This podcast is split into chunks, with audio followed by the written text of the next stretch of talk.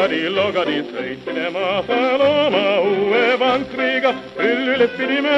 küll alas pidime, nii et tolmupilv käis üle päe. küll üles pidime, küll alas pidime, nii et tolmupilv käis üle päe.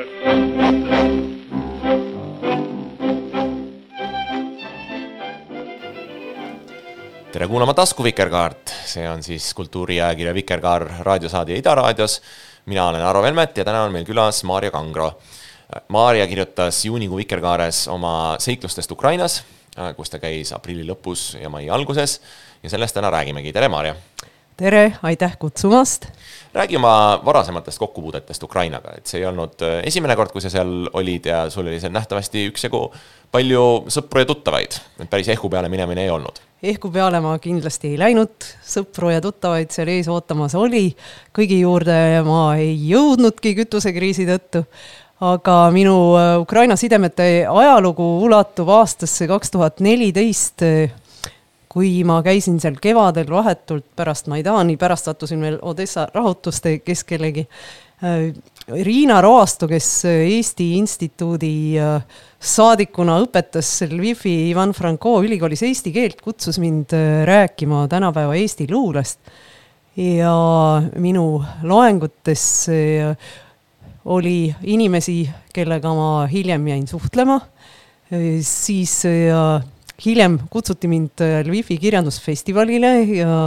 seal ma tutvusin veel mõnede Ukraina literaatidega, siis sellesama kahe tuhande neljateistkümnenda aasta sügisel sain ma tuttavaks äh, Ukraina luuletaja Ostap Slevenskiga äh, Riia luulepäevadel. Ja mõni aeg hiljem Lutski festivalil ja siis ka Juri Androhovitšiga. ühesõnaga neid Ukraina sidemeid läbi aastate on kogunenud ja ma olen isegi Oksana Zabuškoga, kelle essee on palju furoori tekitanud. sõitnud. täna kindlasti räägime. jah, Lutskist võtsime ette koos pika autosõidu Kiievisse, mina, Jürgen Rooste ja Oksana Zabuško festivali külalistena siis istusime Mercedeses, mis meid ühest linnast teise sõidutas. Räägi natukene üldse Ukraina kirjandusest praegu, et seda tegelikult eesti keelde väga palju viimasel ajal tõlgitud ei ole, nüüd Loomingu raamatukogus vist äsja ilmus üks teos, aga äh, milline see välja näeb? no äh, ja jah, see Sergei Žadani ja Depeche Mode ja minu meelest sai päris palju vastukaja ja vist oli ka üheks inspiratsioonimomendiks selle ja joodikute raamatukogu või Biblioteca Votatoris sarja loomisel. aga Ukraina kirjanduses on äh, jah, väga palju erinevaid äh, stiile ja suundumusi praegu käibel, et on sellist ja introspektiivsemat, sümbolistlikumat ja assotsiatiivsemat luulet ja siis ja noh, Žadan jätkab ja ikka sellel lainel, kus ta alati on olnud, tema luulele ja proosale on lihtsam läbi, ligi pääseda, et tal on selline äh, ja tore luuseri kuju, kes, kellega on kohe, ma arvan, ka inimestel, kes iseennast luuseriks ei pea, võib-olla just eelkõige nendel tore suhestuda ja isegi identifitseeruda, just nimelt jah, jah, et sellist vaibi on siis on noh, kellest ma ka oma blogis kirjutasin ja keda mulle see Ostap Slevenski soovitas endiselt, keda ma ka tunnen, see Juri Androhovitš, tema viimane romaan Raadio on nič ehk Raadio öö. Androhovitš on selline ambitsioonikam kirjutaja, niisugune ütleme siis kõrgmodernistlike taotlustega, noh, Zavuško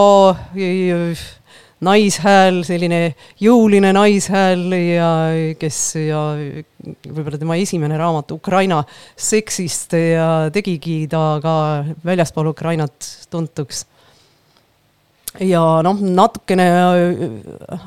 ilmus ju äh, Ukraina tänapäeva luulet ka nüüd märtsikuu Loomingus, see ajakiri jõudis väga kiiresti reageerida, telliti kohe sõjateemalisi luuletõlkeid või noh, vähemalt Ukraina autoritelt, mina püüdsin ikka välja kaevata ka või just nimelt sõja ajal kirjutatud luuletusi ja see ei olnud üldse raske, sest osa Ukraina luuletajatest muudkui toodab teksti ja on jälle teine osa, kes, kes ütleb, et nad praegu üldse ja mingisugust ja ilukirjanduslikku loomingut ja, ja luua ei suuda, see lihtsalt ei tule, see on kuidagi vale režiim nende jaoks, pigem kirjutatakse esseistikat või siis mingisuguseid päevikuid, blogisid, artikleid natukene on seesama küsimus, mis äh, Teise maailmasõja ajal kerkis, et kuidas äh, kirjutada luulet pärast Butšaad ja nii, ja nii edasi. jaa, see äh, just nimelt, mõne jaoks on see kerkinud, teiste jaoks jälle mitte, et teiste jaoks see just ja, ja, ja ongi see õige hetk, kus tuleb kirjutada, et nende, nende jaoks ja, ja, ja noh, on see mingisugune selline ja, vastupanuviis ja, ja niisuguse ja ütleme, siis ja meeleolu ja, ja, ja mingisuguse noh, ütleme mentaalse resistentsuse loomise ja väljendamise viis, et noh, mis siis nagu näitab, et nemad ei ole, nemad ei ole alla andnud, ei ole võimalik luuletajat võõrutada tema ja, ja nendest mentaalsetest protsessidest, ega see nii lihtsalt ei käi, et tuleb mingisugune agressor ja siis selle peale luuletaja kohe ei luuleta. samas noh, teised, teiste jaoks see jälle ikkagi nii on, et nad ei suuda ja suuda kirjutada midagi fiktsionaalset, noh, ma arvan, et mina ise kuuluksin ka pigem nende hulka ja, ja ma ise ka tundsin, et ma tahan pigem Ukrainasse kohale minna, kui et niimoodi distantsilt nendel teemadel kirjutada Äh, minu jaoks oli see niisugune vahetu isiklik äh, kokkupuude nende reaalsusega väga tähtis. kas sealt see otsus Ukrainasse minemiseks tuligi, et sa tahtsid lihtsalt äh, seda vahetut kokkupuudet? jaa, see oli kindlasti üks kaalutlus,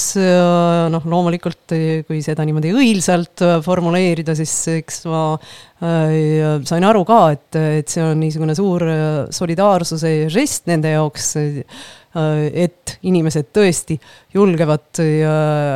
sinna kohale ilmuda ja näidata, et ja me ei karda, et me ka väljastpoolt tulijad ei karda, et nad on võimelised olema sellel samal territooriumil seisma koos ukrainlastega. Noh, muidugi minu panus ei olnud selles mõttes väga suur, et ma ikkagi ju käisin suhteliselt turvalises Lääne-Ukrainas, Lvivis jah, noh, kus on küll olnud ka inimohvreid, aga pigem seetõttu, et käparditest ja Vene sõdurid sihtisid ilmselt ikkagi infrat ja raudteed, aga said pihta autoteenindusele, et kus siis seitse inimest ka surma sai no ja selle ühe õhuhäire sa seal üle elasid? ja oo, ma olen mitu äh, õhuhäiret seal üle elanud, aga noh, kummaline oli see, et äh, juba esimesest õhuhäirest saati üldse mingisugust hirmu ei ole. kui sa oled seal nende inimeste keskel, siis sa lihtsalt vaatad, kuidas kohalikud käituvad ja noh, ilmselt nende emotsionaalne selline väli kandub äh, sulle ka üle Nad ei äh,, ma nagu alguses korraliku kodanikuna kohvikust läksin nagu baarimehe käest küsima, et kas peaks nüüd kuhugi varjuma, vaatan, teised ümberringi itsitavad kõike, vangutavad pead ja ütlevad, et ei noh, mis kõik on korras. ja, ja ma sain aru jah, et see on nagu mingisugune noh, li-, liigne emotsiooni vahule löömine seal nende jaoks juba, kuigi noh hi, no, hiljem. kujutan ette, et sõltuvad, sõltub ka sellest, et mis kohas sa oled, et jaa, täpselt. nii, aga võib-olla kuskil ida pool enam oi ei, ida pool absoluutselt mitte ja noh, eks nad äh, Lvivis ja, ja, ja muudes Lääne-Ukraina linnades ka ikkagi äh, alguses jooksid kõik varjenditesse. aga lihtsalt elu näitas neile seda, et äh, tõenäosus on suur, et äh, seda ei pruugi, äh, midagi ei juhtu nendega ja noh, eriti kesklinnas olles ja seda ei pruugi ikkagi teha noh, ka see minu sõber Orüsja, kes elab küll lennuvälja kõrval, ütles, et nemad ei, oma boyfriendiga enam ei viitsi äh, nende paksude raskete kassidega sinna alla parklavarjendisse ronida. ja eks ta nii on, et mina täitsa mõistan neid inimesi, kes on nüüd hakanud tagasi minema ida, noh, mitte päris ida, ütleme siis Kesk-Ukrainasse ja Kiievisse. ka sel ajal, kui mina olin seal Lvivist, siis ühe minu sõbra juures Äh, siis äh, peatunud või äh, ajutist varjupaika lendnud, leidnud Kiievi inimesed just samal päeval, kui mina hakkasin Eesti poole sõitma, läksid tagasi Kiievisse ja noh, ma saan aru, et inimesed tahavad tagasi mingisugust sellist normaalset asjade seisu ja ja ma usun täitsa, et suurem osa meist käituks ka täpselt samamoodi, kui me seal oleksime. see, kui kiiresti sa kohaned selle nii-öelda uue reaalsusega, see on, on hämmastav noh, eks meil kõigil ole sellest pandeemiast ka natukene mingit sarnast kogemust, et et esimene reaktsioon oli kõik asjad lukku panna, püsida kodudes, hoida kahte meetrit distantsi ja noh, okei okay,, nüüd meil on ka vaktsiinid ja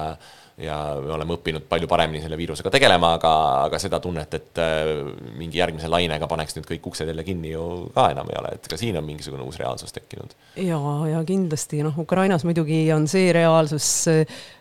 peaaegu et unustuse hõlma vajunud, et noh, natukene mulle veel meenutati, et kelle ema on antivakser ja nii edasi, et näed, oli küll selline teema, aga, aga kes see sellest enam räägib? see tundub selles mõttes äh, su päevikut lugedes vähemalt jäi mulle mulje sellisest natukene äh, skisofreenilisest või paradoksaalsest seisundist, kus ühelt poolt sul on see sõda ja kui need õhuhäired tulevad, siis noh, sa kirjeldad, kuidas sa istusid seal pargipingil ja siis nägid, et mõned inimesed ka olid kuskile suunas jooksmas, aga samas su sõber ütleb, et noh, et, et kui sulle sobib, siis istume edasi, et ärme nüüd äh, hakka siin kuskile kiirustama, et, et ühelt poolt on nagu see sõda vähemalt kui sa Lvivis oled ja teiselt poolt on mingisugune selline rõhutatud normaalsus, et kohvikud on täis ja oodatakse turiste ja mõeldakse kinnisvara ostmise peale ja jah, neid turiste ja nägin ma seal isegi. Või noh, ilmselt nad ja, ja, olid ka mingisuguse ja natukene tähtsama funktsiooni pärast seal ja oletatavasti siis mingisugused vabatahtlikud Punase Risti töötajad, nii edasi aga muusikuid oli terve linn täis, näiteks iga nurga peal mängisime kas üksikartist või lausa brassbänd seal ja Vabaduse prospekti peal. ja noh, ma äh, täitsa kohanesin juba, juba selle ja olemisega seal ka ja, ja hakkasin ennast kuidagi niimoodi noh, väga vabalt tundma. ja noh, ikkagi oli jah, see tunne, et nüüd peaks minema kuhugi kaugemale, kus olukord on tõsisem, ehkki just sel päeval, kui ma Lvivist ära sõitsin ja siis noh, ka nägin viimase õhuhäire ajal neid inimesi jooksmas, no ma oletasin, et need olid kusagilt idast pärit inimesed, kes teadsid, et see, et see on tõsine ohumärk siis ikkagi oli nii, et need raketi tabamused põhjustasid päris palju kahju, et osa linnast oli pikka aega elektrita ja mobiilivõrk oli maas ja nii edasi, et ega ja noh, puut-, puutumata nad ei ole seal ju sellest äh, arusaadavalt jäänud ja noh, nüüd üha enam on inimesi, kelle sõbrad-tuttavad, sugulased on idas ka surma saanud, et siis, kui mina seal olin, siis päris mitmed minu sõbrad ütlesid, ma küsisin, see oli üks mu küsimusi neile, et, et kas teil on mõni lähedane inimene, kes on hukkunud või haavata saanud sõjas, siis veel päris mitmetel üldse kedagi sellist ei olnudki. aga noh, nüüd ma järjest jälle kuulen selliseid kurbi teateid ja. üks päris hea näide sellest, kuidas asjad, mis paistavad väljaspool Ukrainat ühtmoodi, võivad Ukraina seest paistada hoopis teistmoodi, on Ukraina president Volodõmõr Zelenskõi,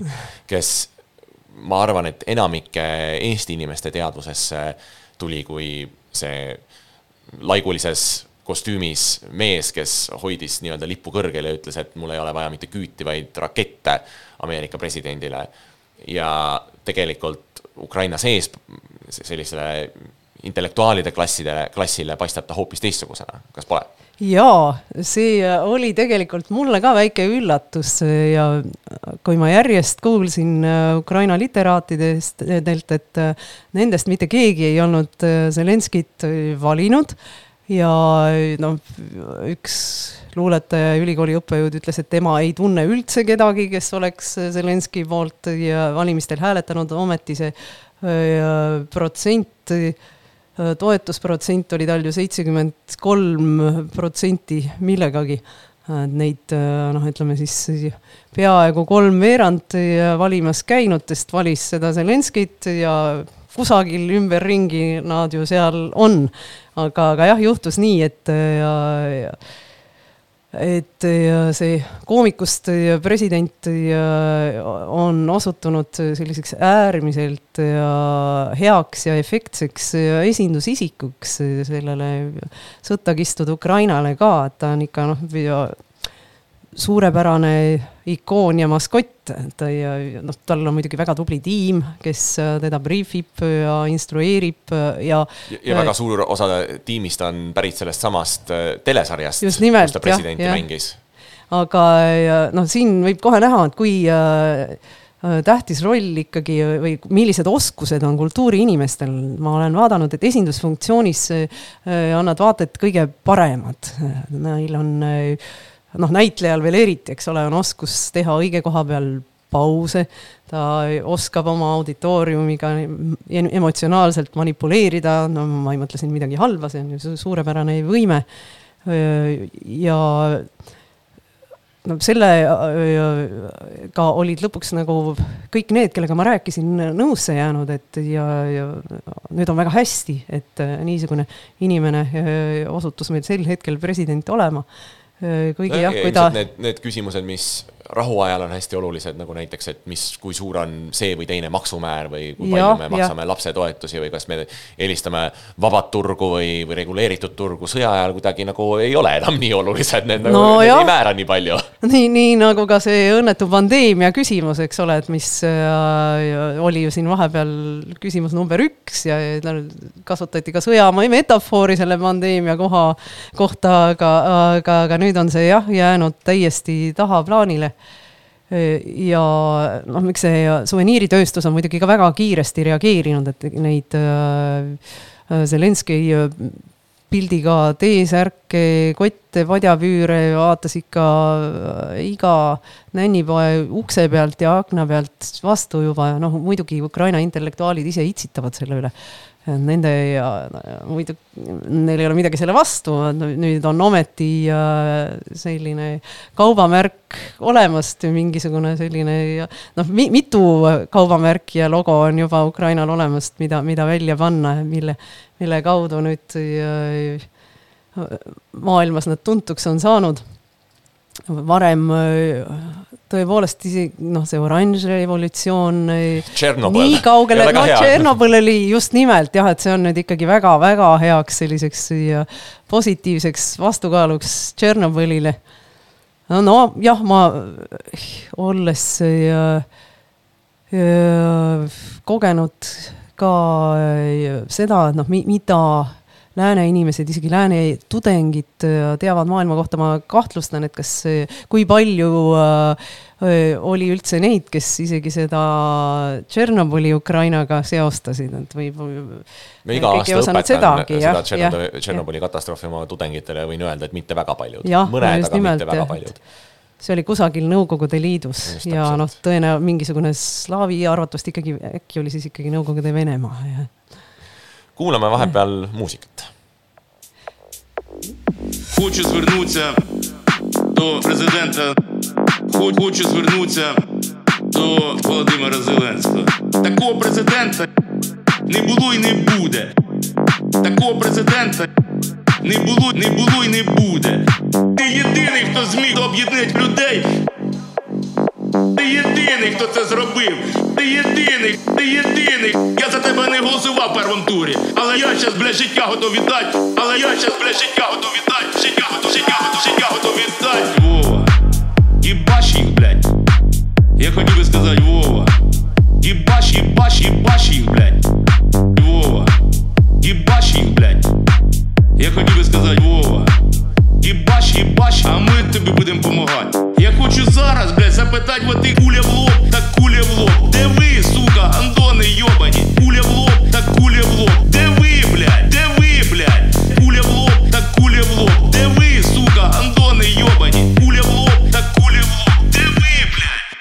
хотів би сказати Вова. Ебашь их, блядь. Я хотів би сказати Вова. Ебашь, ебашь, ебашь их, блядь. Вова. Ебашь их, блядь. Я хотів би сказати Вова. Єбаш, єбаш, а ми тобі будемо допомагати. Коли ця війна закінчиться, шановні. Я дуже прошу, дуже прошу. Приїхати, сука, в аеропорт, блядь.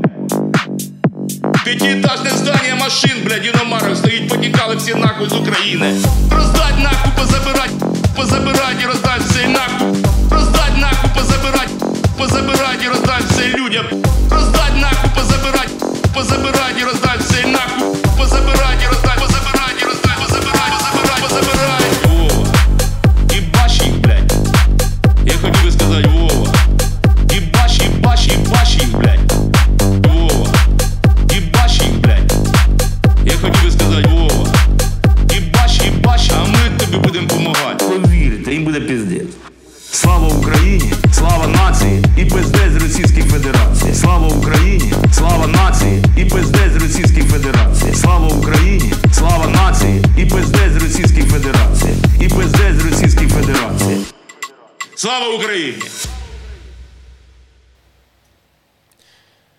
Maarja Kangroga, tema Ukrainas käigust ja nüüd tahaks tegelikult rääkida ühest esseest, mis on tekitanud palju elavat vastukaja nii meil kui ka mujal ja Ukrainas veel eriti. selleks on Oksana Zabushko äh, Times Literary Supplementis ilmunud essee, mis on tegelikult äh, tõlgitud ära ka Vikerkaares, ilmus Vikerkaare blogis ja äh, mis räägib siis ütleme vene kultuuri rollist selles sõjas, mis on praegu toimumas ja ma võib-olla tsiteeriks ühte lõiku sellest esseest. ja essee algab sellega, et Zabushko kirjeldab, kuidas läänes on tekkinud mingisugune müütiline arusaam vene kultuurist kui euroopalikust kultuurist, mis seisab kuidagi er kõrval, seisab selle sõjategevuse kõrval või sellest eraldi ja nüüd algab tsitaat. Lõppeks on dialoog õhk, mida lääne kultuur on kaks tuhat viissada aastat hinganud ning neil, kes on kasvanud antiikse agora avatud õhkkonnas, on raske kujutleda, et kõrvalukse taga eksisteerib samuti iidne kultuur, milles inimesed hingavad ainult vett ning tunnevad labast viha nonde vastu, kellel on lõpuste asemel kopsud lisaks on läänlastel raske ette kujutleda, et see pole lihtsalt mingi hälve, mida saaks korrigeerida demokraatlike reformide abil, et selle veealuse hingamise küüsis võib olla terve maa, et võimu tipult dikteeritud monoloog võib saada nii domineerivaks, et hõlmab maastikku, arhitektuuri, keelt, ideoloogiat, toodab identseid linnu, tänavaid ja monumente, filme ja teleprogramme, kõik üksainus suur vangikong, mille üle valitseb jõhker hierarhia no ma pean tunnistama, et, et kui mina seda lugesin, siis ma mõtlesin, et okei okay,, et see on selline sõjapropaganda, et las ta siis olla, aga no mingisugune reaalne kirjeldus Venemaast või vene kultuurist see nüüd küll olla ei saa kuidas sina Jaa, sellele reageerisid? tead, kui ma seda Eestis olles veel lugesin, siis oli minu reaktsioon sarnane, et ma sain aru, et praeguses olukorras on ta omal kohal ja et noh, inimene läheb väga kaugele oma seoste loomises nii et ma pean tunnistama, et kui Triinu Pakk seda Vikerkaare blogis ilmunud tõlget, tema tõlkis selle, jagas, siis ma ei suutnud sinna isegi laiki panna, sest see väide, et vene kirjandus on kudunud kamuflaaživõrku Vene tankidele ja et me peame nüüd ja pika karmi pilguga oma raamaturiiulid üle vaatama, see noh, tundus natukene kui noh, far-fetched minu jaoks, et nagu. Dostojevski on just, kuidagi vastutav selle eest, mis praegu toimub. jah, just kõik see, mis Butšas toimub, see on juba, võib Dostojevskist välja lugeda. ja just nimelt jah, et ja, ja mis ma, ma, mulle ka ei meeldi selline Dostojevski arusaam vene rahva ja, ja, messiaanlikust ja loomusest ja, ja ülesandest ja, ja, ja mingisugused ja,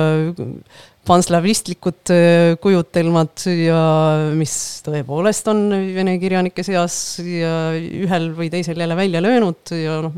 Puškini Poltava on ju ukrainlaste suhtes päris jube, aga to, tol hetkel mulle tundus kuidagi, et no kas me saame panna niisugust vastutust nüüd nendele kirjanikele, et nad ja arendasid omas kontekstis omi mõtteid, noh, Dostojevskile võib-olla tundus võõras Euroopa, kus ta epilepsia ravil käis ja, ja, ja nostalgia koduse Venemaa järele tekitas ja veel noh, või võimendas tema seisukohti ja nii edasi et aga, aga kas saab tõesti öelda, et, et on mingisugune selline pidev joon või üks-ühele suhe selle vahel, mida me loeme raamatust ja kuidas me siis käitume või et mida me näeme teatrilavalt ja kuidas me siis pärast seda käitume, et no justkui, justkui nii ei, niimoodi väita ju ei saa, eks ole, et ühe, ükski. umbes sada aastat kirjandusteooriat väidab selle vastu. autori me ikkagi tapsime ära ja. autor on, on tapetud ja Äh, jah, et noh, niimoodi inkrimineerida süüd ja, ja mingisuguste ja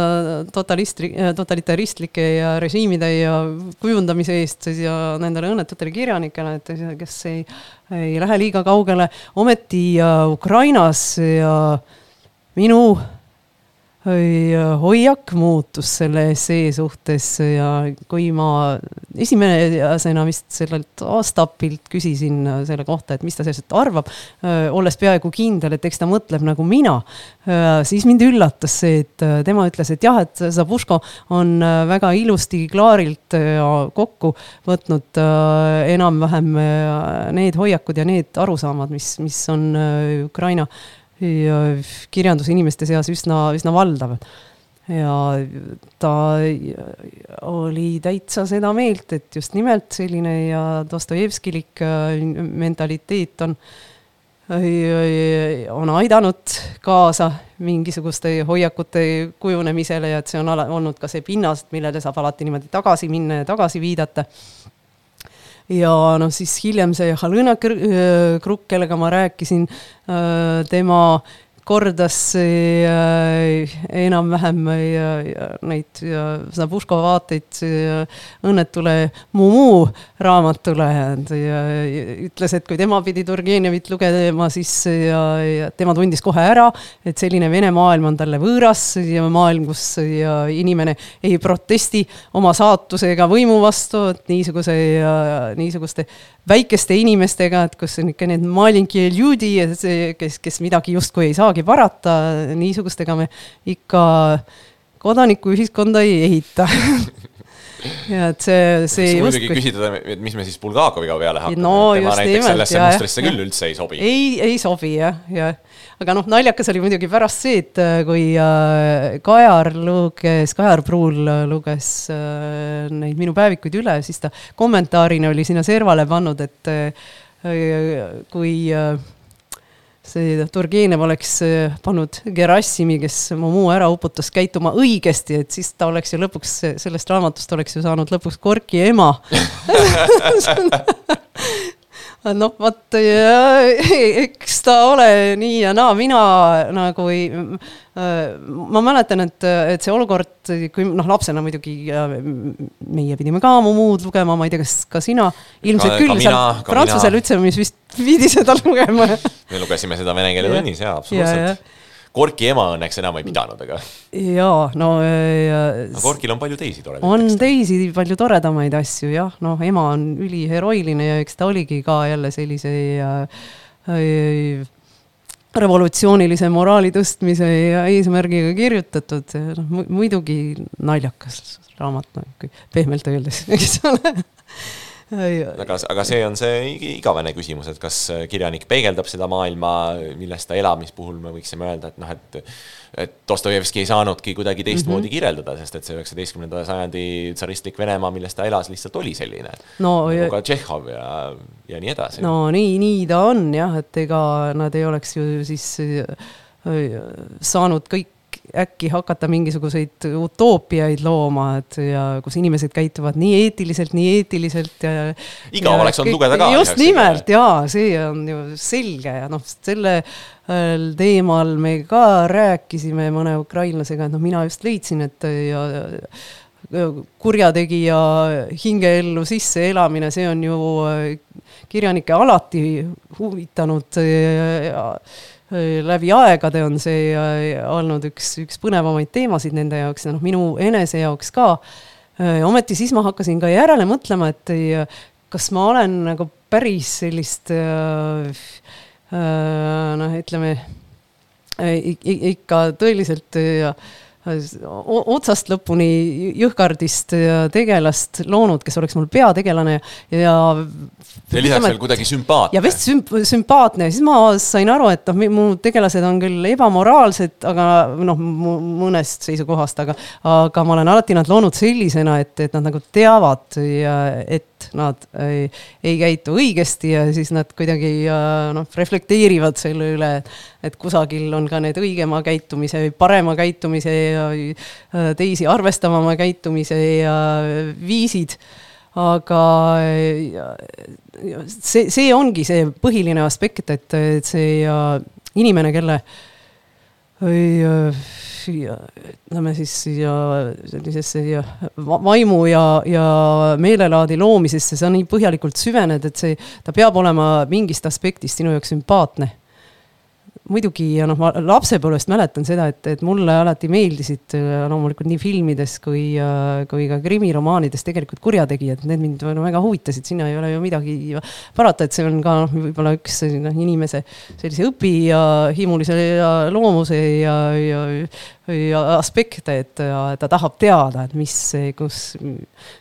mis see kuri siis on või et kus, kus, kus kohas on ja nende asjade piirid ja revenemiskohad ja nii edasi. ja alati on huvitav ja. vaadata paradokse, eks ju, kus ja. keegi nii-öelda, mis võib-olla keerates see äh, Fausti lause teistpidi, et kes, kes plaanib head, aga saadab kor korda kurja. ja, ja seda muidugi äh, jah, et kas see on siis eetilisem või on siis ikkagi selline äh, faustlik konsekventsialistlik eetika parem aga see, et, et Ukraina kirjanikud või noh, vähemalt päris paljud nendest ja, ja tajuvad ja selles ja vene kirjanduse või noh, vähemalt ja,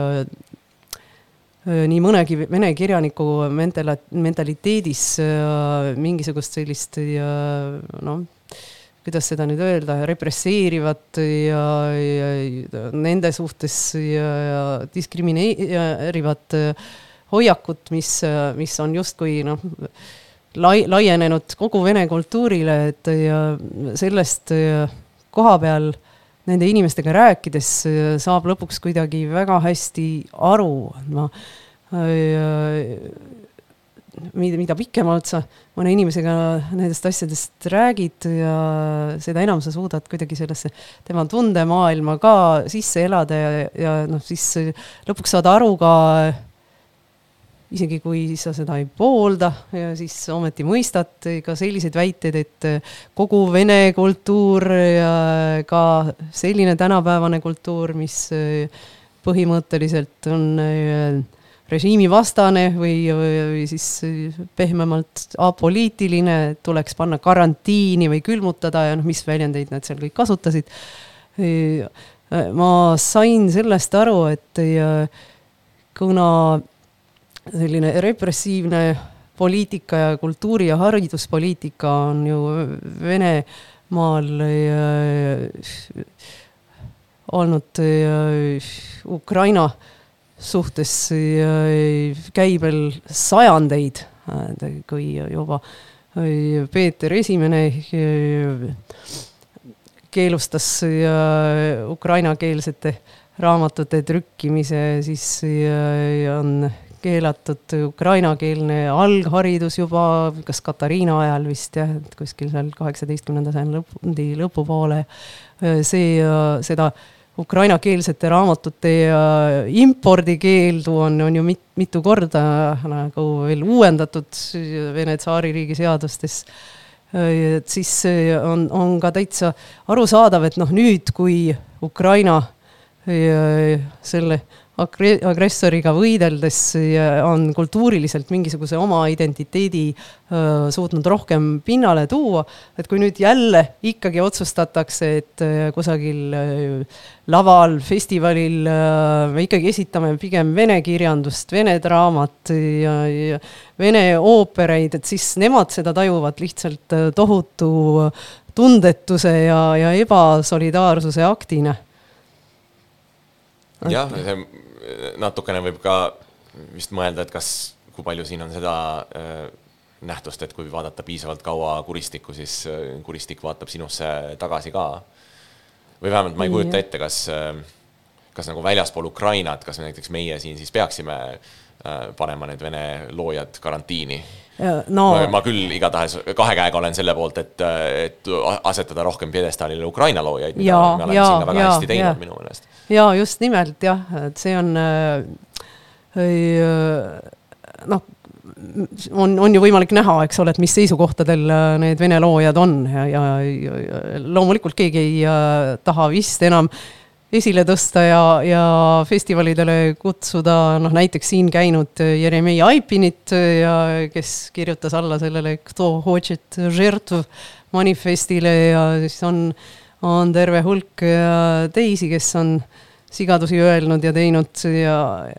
aga samas noh, need inimesed, kes eh, on Venemaale jäänud ja kes on režiimivastased ja vaikselt loovad oma tekste edasi, et noh, neid ei saa ju kuidagi vastutavaks pidada ka noh, siis on, on teine hulk neid vene loojaid, kellel on veel õnnestunud põgeneda ja kes on kusagil mujal praegu. minu äh, Moskva sõber Andrei Zenkov, vene luuletaja ja, ja tõlk ja kui ma temale viimati kirjutasin ja küsisin, et noh, kas on mingisuguseid äh, emigreerumise plaane, siis ta ütles, et ega viisat ju niikuinii enam ei saa ja tema on väga masendunud sellest, et ei ole mingisuguseid ressursse ka, mille eest sõita ja, siis veel lisas sellele, et aga kus üldse meid, venelasi, vaja on, kel, kes meid üldse näha tahab ja see on täiesti õiglane et, et meid enam kusagile ei taheta, siis muidugi hakkab inimesest kohe väga kahju, et tahaks, tahaks nad kuidagi sealt ära päästa. Äh, ja siis vist Slotman oma loengus viitas sellele Võrpajevile, kes oli kah umbes midagi niisugust väitnud, tema küll on praegu minu teada Poolas,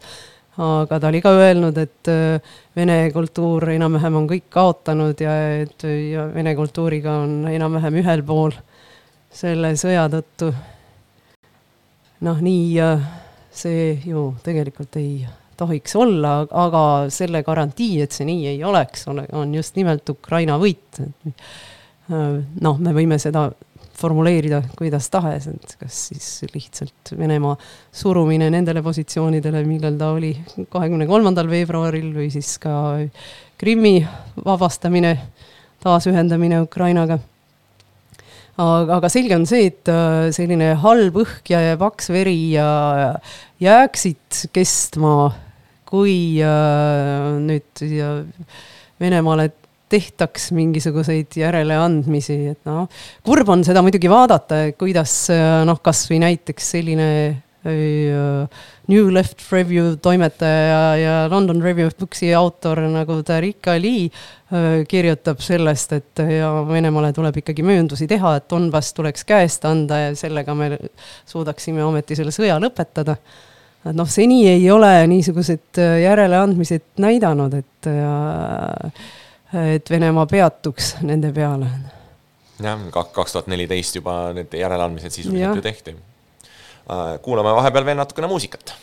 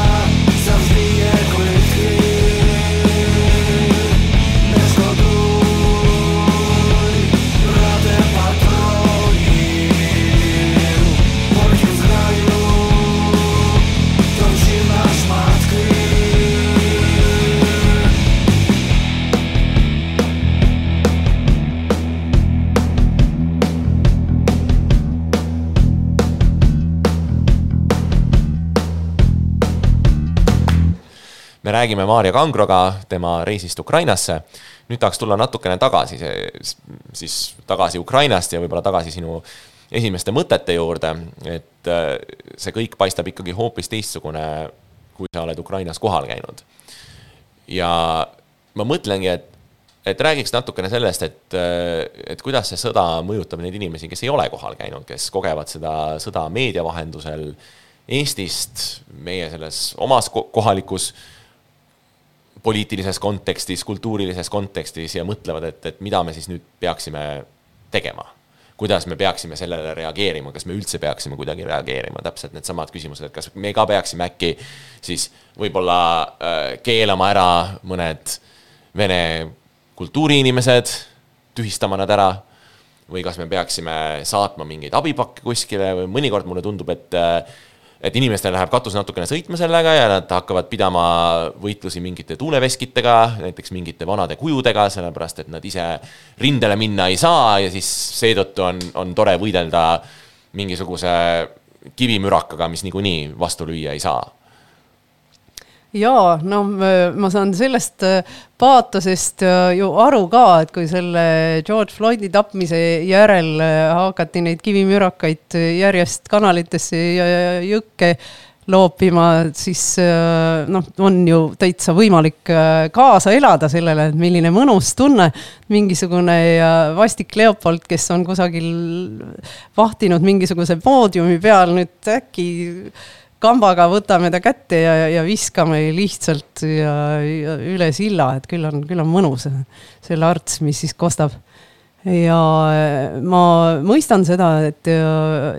inimesed jah, tahaksid midagi ja niimoodi jõulist ära teha või kuidagi ka näidata, et no, et nad on poole valinud, et nad on õigel poolel. eks noh no mina ei oleks äh, suutnud äh, vist nii-öelda oma integriteeti säilitada, kui ma ei oleks Ukrainasse kohale läinud, ma ei oleks suutnud vist endast, ei oleks saanud endast mõelda kui eetiliselt järjepidevast inimesest. aga, aga ma täiesti mõistan ja neid, kes, kes käituvad kuidagi teisiti, noh, kirjutavad nendel teemadel ja jälgivad sõjauudiseid ja, ja panevad siis sellest teistele informeerivat pilti kokku, kes toetavad rahaliselt ja organiseerivad ja, ja, ja abi viimist Ukrainasse, et eks neid äh, võimalusi kuidagi äh, kaasa aidata ukrainlaste võitlusele agressoriga on ju igasuguseid, noh, võib ka, võib ka luuletada, mida on äh, paljud inimesed teinud ja mille järele ilmselt oli, on ka meil olnud vajadus, et kui ma vaatan seda, et kui populaarseks sai see minu ema niimoodi tunde ajal kirjutatud äh, luuletus äh, märtsikuust, siis noh, oli näha sellest reaktsioonist, et mind midagi niisugust väga oodati aga kuidas peaks, no kes seda oskab öelda, et kuidas nüüd peaks käituma ja kuidas oleks õige viis. õpeta meid, kallis Maarja mis on see õige vastus? rasketel aegadel inimesed ikka pöörduvad kirjanikude poole. Ja, ja, ja siis tehakse nad pärast vastutavaks kõige selle eest, millist ideoloogilist võrku nad on pununud ja eks iga inimene peab ära tundma, et mis liiki loom ta on, et kes on selline ja rohkem adreka peal töötav loom või kes on äh, selline, kes tahab äh, kaugelt analüüsida, mõtiskleda, kes leiab, et äh, kõige õigem ongi ikkagi praegu teha seda siin mis tal kõige paremini välja tuleb, sest noh, alati võib ka nii mõelda, et äh, et keegi peab kusagil ju ka hästi elama, muidu ei ole, ei ole sellel inimelukesel üldse mõtet, just nimelt jah, et nii nagu ka need Lvivi inimesed äh, äh, kohati küll tundsid ennast süüdi, sellepärast et nemad söövad restoranis ja, ja teised äh, Mariupolis on suremas. aga, aga noh, teisest küljest mingisugusel sellisel äh, kollektiivsel äh, halakooril ei, ei ole küll mitte mingisugust mõtet. Ja ega ma seda äh, niisugust meeleolu vähemalt seal Lääne-Ukrainas küll ei tajunud ka, et ei äh, ei olnud, ütleme nüüd, sellist halvavat masendust ja küll kellegi, kellegi juures tunda, et ja mis oleks siis tähendanud, et ah, kõik see on mõttetu ja mis meist küll niimoodi saab ja et kõigil oli, noh muidugi see aprilli lõpp ja mai algus oli ka mõneti äh, teistsugune hetk või olukord oli natukene teistsugune, et siis oli veel nii, et Venemaa hambad olid sellest liiga suurest ampsust katki. selgelt oli näha, et on selline savijalgne elukas. aga noh, nüüd, kus nad on keskendunud rohkem nendele äh, Donetski ja Luhanski äravõtmisele, et on see olukord muutunud Ukraina jaoks tunduvalt kriitilisemaks, noh kuigi siis on jälle tore lugeda, et hommikusi uudiseid, Biden on jälle lubanud miljardit militaarabiks. nojah, aga samal ajal äh, loeme ka sellest, et, et lääne selline kannatlikkus või, äh, või valmidus Ukrainaga solidaarne olla mm. ei ole ka piiritu. et äh, kui nüüd ma just lugesin kas Guardianist või, või mõnest taolisest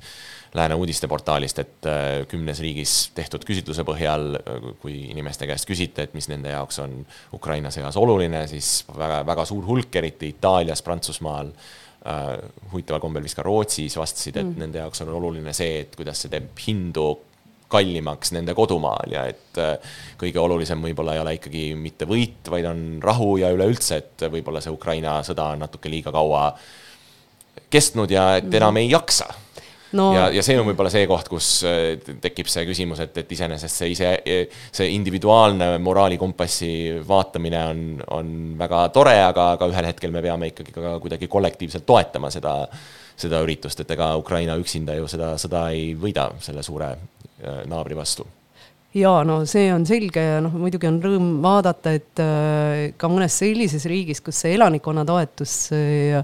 Ukraina abistamisele on, on suhteliselt madal, nagu näiteks Kreeka ja, ja on valitsus ometi teinud siiski sellise otsuse, et ja, ja et seda sõjalist abi antakse. ja jah, huvitav on muidugi seda vaadata, et noh, Lõuna-Euroopa osalt ajaloolistel põhjustel, osalt ka oma geograafilise kauguse tõttu on vähem solidaarne, Rootsi on äh,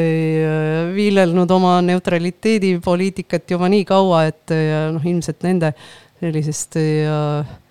ütleme äh, mentaalsest raamistikust võib-olla üldse selline ja, ja noh, see selline kujutlus või, või mingisugune selline koht nagu ongi väljas, et, et kuidas see võiks siis tõesti olla, noh kuigi NATO-sse muidugi astutakse. Aga jah, mul sõber on ka rääkinud, et, et kui soomlastega äh, rääkida Ukraina sõja teemadel või viia jutt sellele, et siis see jutt jääbki sinna püsima. aga rootslastega on juba niimoodi, et alguses võib-olla natukene ahetatakse ja ja mõned repliigid vahetatakse ja siis see jutt kohe kandub kuhugi mujale, et noh, tõepoolest see see kaal, mis, mis sellel küsimusel on, on, on kohe, noh, riigil ei ole piiri ka Venemaaga, eks ole, väiksem talvesõda ka ei olnud. ja talvesõda ei olnud, just nimelt see on äärmiselt oluline faktor muidugi jah, et kellel on see isiklik kokkupuude, et nende ees on ka selline äh, Äh, tundlikkus ja, ja võib-olla mingisugune võitlusvalmidus palju, palju tugevam ja. ja näitab, kui tugev, tugev see kultuurimälu on, sest et ega ja. seda isiklikku kokkupuudet no, ju tegelikult ja, enam ja, praktiliselt kellelgi ei ole no,. aga noh, see on, on ka kurb asi, mis nagu pärandub äh, seal Lõuna-Euroopa vasakpoolseid, et puhul põlvkonnalt põlvkonnale kuidagi edasi selline imelik kultuurimälu, noh, Kreekas, eks ole, kus äh, juba mingisugused äh, venelaste kangelaslikul abil võitluses ottomanide vastu, noh, see, sel ei ole tegelikult mingi, mingisugust ja, noh, reaalset katetki enam ammu, aga ometi sellised müüdid on nagu edasi pärandunud ja, ja noh, niisugused, no ma, ma arvan, et muidugi see müüt, et Venemaa on õilis Natsi-Saksamaa võitja, et see, see on nüüd äh, küll kannatada saanud, kui mitte täitsa purunenud, et ikkagi seda, see ei, ei kanna edasi enam väga. äh, mingisugust noh, natukenegi russofiilset ja mõtlemist. Ja sellel vasakpoolsete seas, noh, veel, veel ma olen kohanud neid inimesi, kes leiavad, et ikkagi tegu on siin sellise kahe suure ja imperiaalse võimu võitlust, võitlustandriga ja et kui äh, siin see äh, Lloyd Austin, USA kaitseminister ütleb, et äh, ta tahab näha Venemaad niivõrd nõrgestatuna, et Venemaa ei suudaks enam toime panna neid tegusid, mis ta Ukraina suhtes toime on pannud. et see, see on ikka nii vastutusvaba, ütles mulle üks äh, Soome-Rootsi noormees. Ja kui ma küsisin ta käest, et oot, aga, aga miks see siis vastutusvaba on, siis noh, natukene mõtles, mõtles ja mõmises ja siis ütles, et aga USA on ju ise ka nii imperialistlik riik olen, isegi neid vestlusi pidanud. no ma usun jah, ja, ja, ja noh, see on jah, selline tüüpiline kaasus, et ja, ikkagi see ja noh, tuuakse siis ikka välja jälle see ja, ja, ja, ja Iraaki tungimine ja nii edasi, et kõik, kõik need patud, mis on ja, USA hingel, aga, aga noh, et kas, mida see siis tähendab, selline whataboutism, et aga mis, mis nad ise on teinud, kuidas see ja Äh, kuidas see suhestub selle praeguse olukorraga, kuidas ja, ja, mis meil, mis meil oleks sealt nüüd Venemaa ja, ja, ja, ja Venemaa suhtes mingisuguseid hoiakuid võttes õppida või? Mitte ja ja no ma ei saa ka öelda, et noh, mitte nüüd väga palju, aga, aga need, need ja ütleme, mingisugused põhiküsimused on juba nii erinevad jaa, et noh, muidugi selliste inimestega, kes olemata ise kokku puutunud e, Venemaa, ei Venemaa ega Ukrainaga ja noh, on, on niimoodi siis võib-olla omaks võtnud mingisugused seisukohad oma ümbrus, just jah, sellised jutupunktid, et äh, mina pean nendega vesteldes alati olema hästi hoolas, et, et mitte vihale minna. Ja noh, eriti veel pärast seda Ukraina reisi see ja, ja, ja, ja see on kohe üks tähtis asi, mida silmas pidada, et ja ei hakka teistele ja halvasti ütlema niisuguses kontekstis aga ka hästi hea õppetund, et tõepoolest see aitab, kui näha seda asja natukene lähemalt ja, ja mitte lihtsalt äh, elada kuskil erinevate esseede maailmas, mida New Left Reviews või Jacobinis no või kuskil ja, avaldatud on. noh, kuigi eks ole, lõpuks see vasakpoolsus võib ka äh, sähvatada äkki mingisugune, välja mingisuguseid väga kummalisi seisukohti, kas mitte Chomsky ei leidnud, et Trump oleks äh, siin suurepärane sõjalõpetaja jep. kas sul on äh, järgmine reis ka juba plaanis? Äh, Ukrainasse? Ukrainasse. päris selget plaani küll veel ei ole, aga, aga on tekkinud see tunne, et äh, tahaks tagasi minna. isegi kui ma olin piirile jõudnud ja kui ma hakkasin tagasi sõitma, siis äh, mulle juba tundus, et äh, peaks äkki ikkagi otsa ringi keerama ja, ja Lvivi tagasi sõitma või siis sõitma Lutskisse, kuhu ma olin ka tahtnud minna, või siis äh, just nagu vastupidises suunas alla Ivano-Frankivskisse kütust küll nappis ja, ja, ja see mõte noh, minule mugavale väikekodanlasele tundus üsna õudne, et ma kuskil jääksin äh, ilma kütuseta kinni või peaksin äh, passima mitu tundi bensusabas, et saada oma viis liitrit kütust kätte. et ikka kusagil tuleb. sellega ka, ei sõida kaugele jah, ja kusagil on ikka sellise mugava inimese piirid ka, et noh, mille, mida tuleb siis veel õppida ületama aitäh, Maarja, vestlemast. Äh, tõmbame otsad kokku, mina olen Aro Velmet ja siis järgmine kuu juba uued teemad ja uus külaline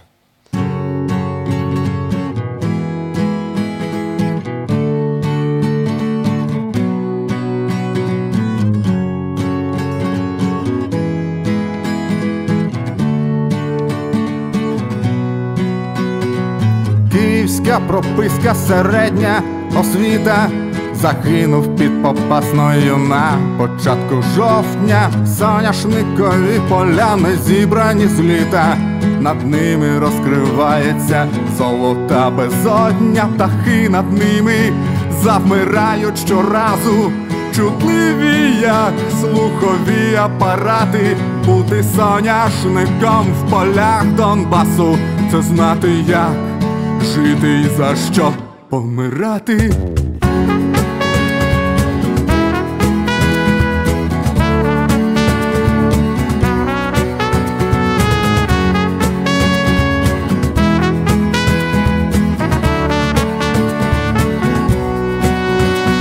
Своїм хребтом, металевим тросом поєднувати ґрунти і води, тримаючись за осінній чорнозем, з гіркою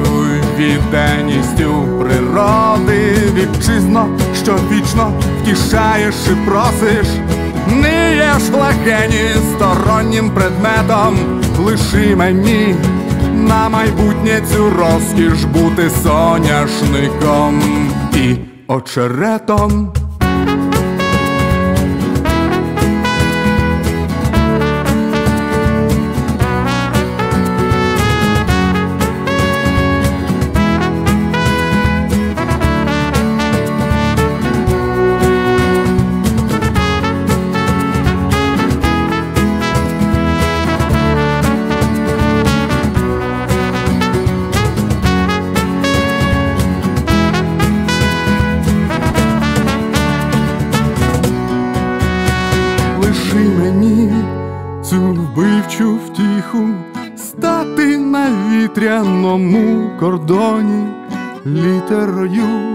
Недописану книгу,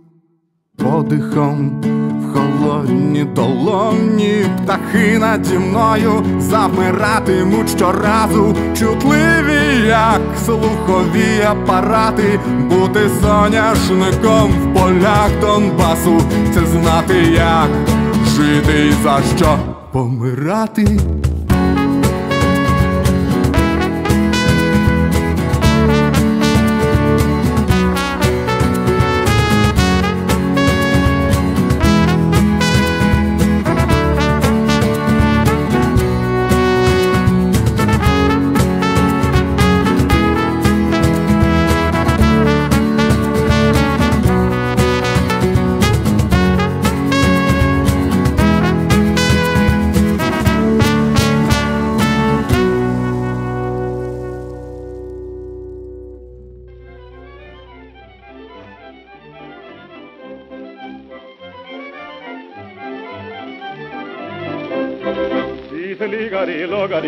Sõitsime maani edasi kurva meelega. küll üles pidime, küll alas pidime, kuid enam mina neiukest suudlema ei lähe. küll üles pidime, küll alas pidime, kuid enam mina neiukest suudlema ei lähe.